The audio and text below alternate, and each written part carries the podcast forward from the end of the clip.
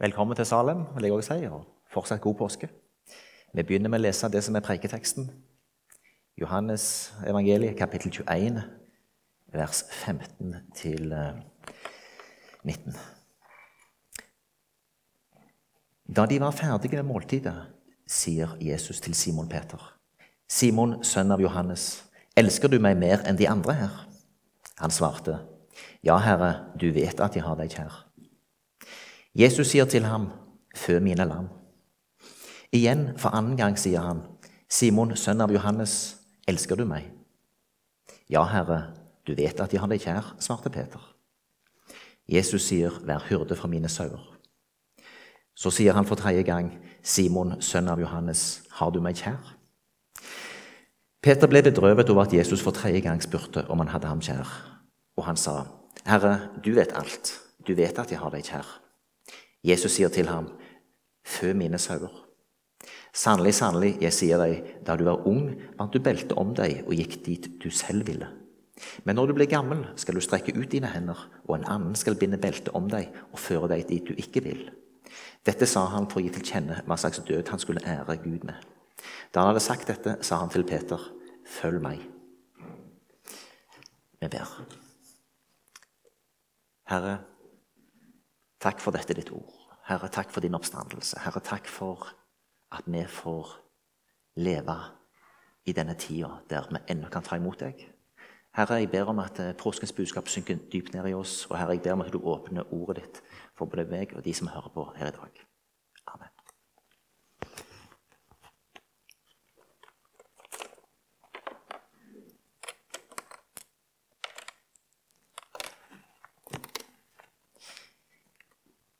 Ja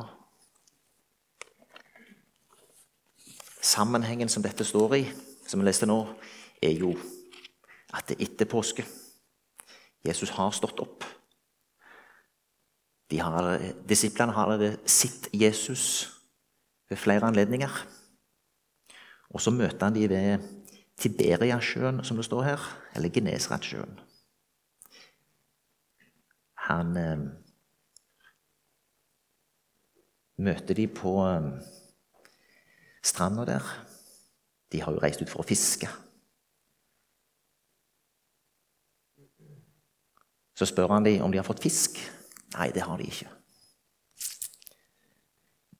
Kast noten på høyre side av båten, så skal dere få fisk. Så kaster de nota ut. Og så greide de ikke å dra opp nota, for de fikk så mye fisk.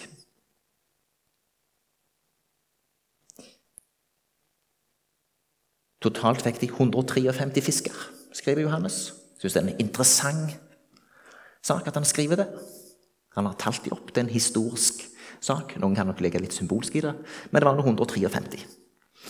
Jesus har allerede sjøl lagklara et måltid til dem, men han ber de òg komme litt med sin fisk. Her ser vi noe litt interessant. Jesus gjør et under, men han inviterer de med i underet. De får erfare at de fikk fisk, men de har gått på hans ord. Det kan jo lede oss hen til en av de tidligere tekstene der eh, de òg fisker. Lukas 5,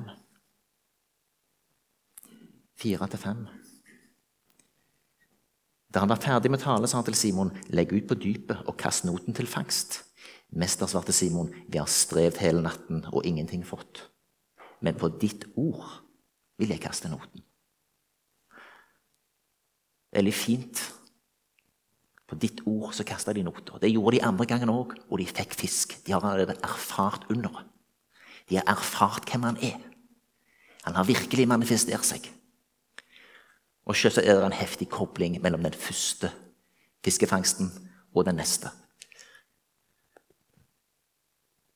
De møter han igjen, og han gjør på ny et under.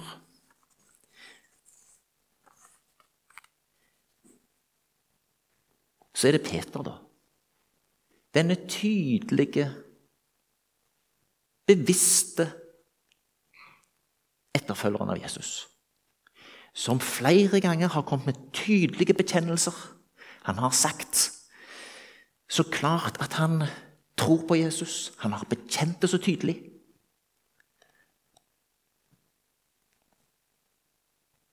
Det er jo ulike personlighetstyper. Peter er jo ser vi nå, av denne her ja, altså, Men like ofte ja, tydelig tale, snakker klart, sier det som det er. Bekjenner det bramfritt. Um, men så kan det òg være litt sånn da, at uh, av og til så kan jo, en kan jo bli litt høy på seg sjøl. En er så tydelig bekjennende. 'Å, så bra.' Vi liker at du står fram og snakker og taler så tydelig. En kan jo bli litt sånn da at uh, en setter litt lit til sin egen tro, sin egen overbevisning. Andre har jo bekrefta det flere ganger. Han er jo en ledertype i Guds rike.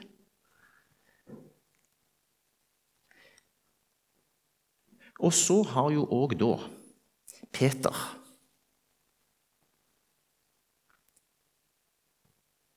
vært litt for tydelig. For når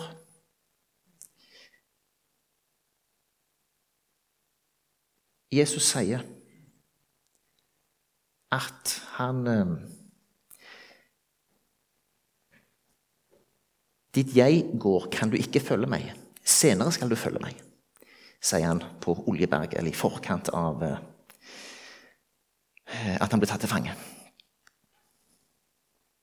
Hvorfor kan jeg ikke følge deg nå, sier Peter. Jeg vil gi livet mitt for deg. Jesus svarte, du vil gi livet for meg. Sannelig, sannelig, jeg sier deg, hanen skal ikke gale før du har fornektet meg tre ganger. I Matteus kan vi lese Matteus 26. Der sa Jesus til dem, i natt kommer dere alle til å vende dere bort fra meg, for det står skrevet, jeg vil slå hyrden ned så jorden blir spredt. Men etter at jeg er oppstått, skal jeg gå i forveien for dere til Galilea. Peter tok til orde og sa, om så alle vender seg bort fra deg, kommer jeg aldri til å gjøre det.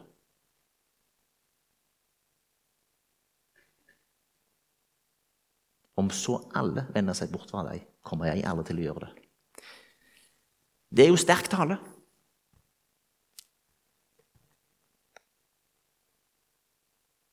Med det han sier her, så er han òg litt sånn Om de andre svikter Jesus, så svikter ikke jeg. Det kan være en liten sånn nedvurdering av de andre. Og en liten oppvurdering av seg sjøl. Helt i tråd med den selvbevissthet og tydelighet han hadde. Han eh, hadde fått sikkert mange bekreftelser på at han var en leder. Jesus hadde jo òg bekrefta det sjøl. Du er Peter, på denne klippet vil jeg bygge min kirke, og dødsrikets porter skal ikke få makt over den. Han har jo fått bekrefta at han er en leder, og at han, eh, at han skal ha en eh, rolle i byggingen av Guds rike.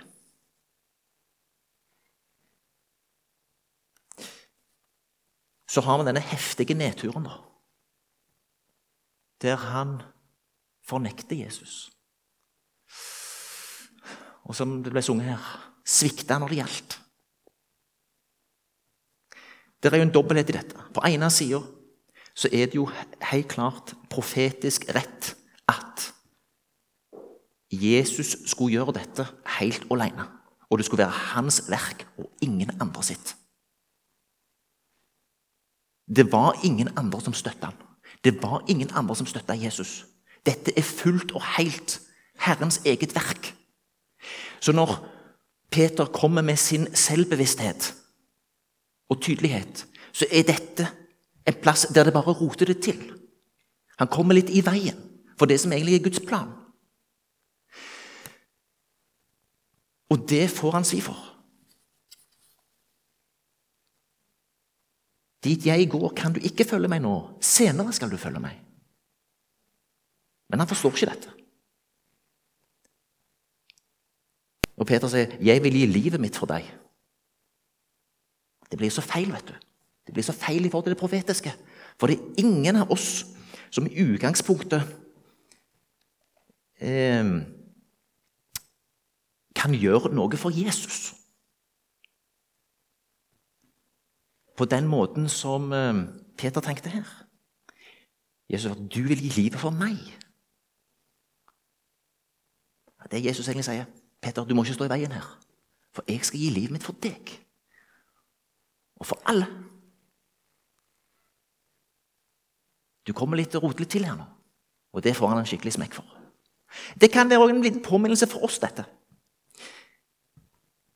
Både til deg som er svært tydelig, og kanskje en leder i Guds rike. Og så mener du har sett ting så veldig klart. Men Gud har av og til en plan som ikke du ser så tydelig. Da er det litt viktig at vi ydmyker oss, roer oss litt ned. og Gud, eh, hva er det du vil her nå? At vi ikke springer liksom i egen kristen logikk. Ja, men det er jo sånn det må være. Det er jo helt feil, dette her. Bang, bang. Så går vi i veggen, og så ødelegger vi. Det er viktig å besinne seg på at Gud har en plan som er større enn våre tanker.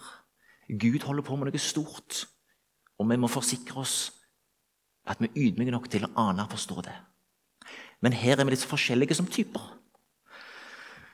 Og eh, det er veldig interessant å se hvor tydelig personlighetstrekk her kommer fram i Johannes evangeliet. Peter er den som altså da eh, kan proklamere. Men han forstår ikke alltid i dybden en del ting bak der. Det er tydelig at Johannes sjøl er en litt annen type. Han aner og ser ting. Han ser ting før Peter. Og så sier han det gjerne til Peter. Og Peter jogger på. Det er Herren. Johannes ser i dybden. Men Peter han handler på det. Og av og til handler han overilt. Men dette er viktig, folkens. Vi trenger begge typene. Vi trenger de tydelige bramfri som går rett på, og som gjør det som gjør skal. Og så må vi ha de som mm, ser ting litt fra flere sider, og som kan være med å justere. Dette er viktig. Det er ikke slik at vi bare skal ha den ene eller den andre. Peter-typen trengs, Johannes-typen trengs, og flere til. Eh, men det kan vi snakke om en annen gang.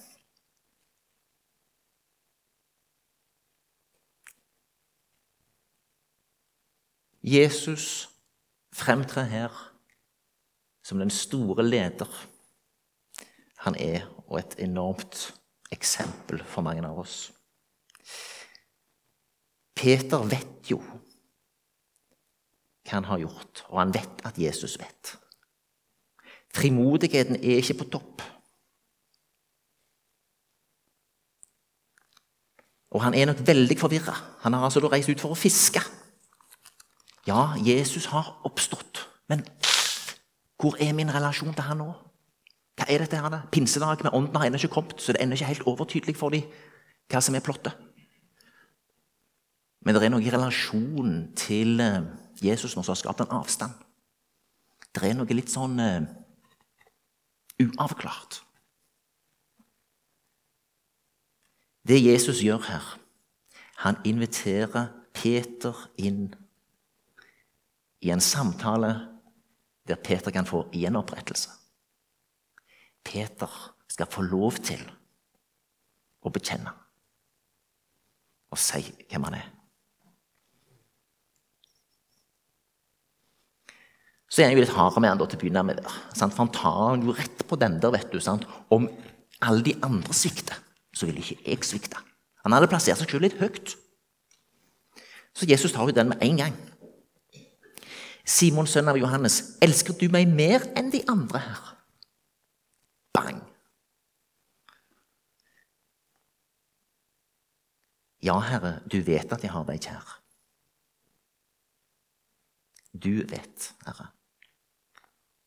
Og så er det ikke ordene så svulstige, men han, han lener seg på Herren, og det Herren vet.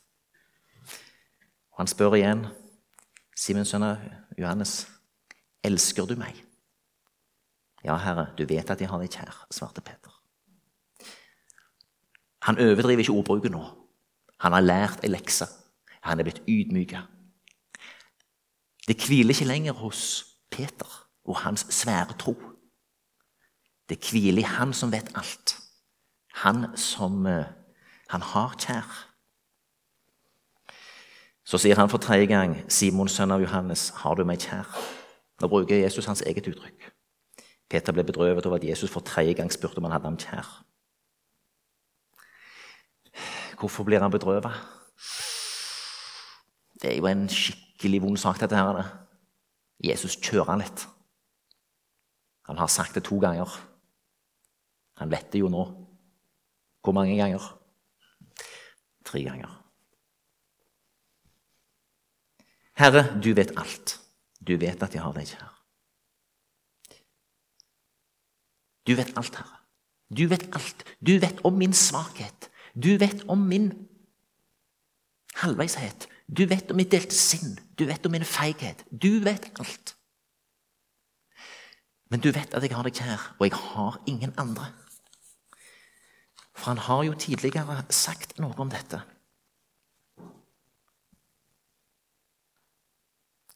Herre, hvem skal vi gå til? Du har det evige livs ord. Vi har strevd hele natten og ingenting fått, men på ditt ord vil jeg kaste noten. Han har tidligere vist dette, men han har samtidig nå tapt frimodigheten. Men Jesus gir han en anledning, kjører han litt hardt og gir han anledning til å komme tilbake. Hva er det Jesus har gjort her? Han har søkt fellesskap med Peter, fortrolighet. Han har kommet til ham. Dette er den samtalen én til én, selv om Johannes overbehører han. Men det er med Peter han samtaler. Han har kommet til ham, han har møtt ham. Han har lett etter ham. Så har han da eh, Så har han da løfta han opp. Han bryr seg om han. Han får han til å bekrefte sin kjærlighet til seg. Det er klart det er vondt, for dette her er mm, Jesus påminner om hans svarteste stund, hans tyngste nederlag. Men han løfter han opp. Han sier, 'Fø mine lam'. Vær hyrde for mine sauer, fø mine sauer. Og videre. Sannelig, sannelig, jeg sier deg, da du var ung, bandt du beltet om deg og gikk dit du selv ville. Men når du blir gammel, skal du strekke ut dine hender, og en annen skal binde beltet om deg og føre deg dit du ikke vil. Dette sa han for å gi til kjenne hva slags død han skulle ære Gud med. Når dette skrives, så er Peter død. Tradisjonen har det til at han blir korsfesta i år 64. Eh, og at han blir korsfesta ikke som Jesus, men at han blir hengt opp ned. For at det ikke skulle se ut som han var Herren. Dette vet jo Johannes, for han skriver dette lenge etterpå. Så det kan han ha med seg. Så når Johannes skriver dette, her, så er Peter død. Og har vært død lenge. Peter, eh, Johannes kan altså da ta med seg denne historien og fortelle dette.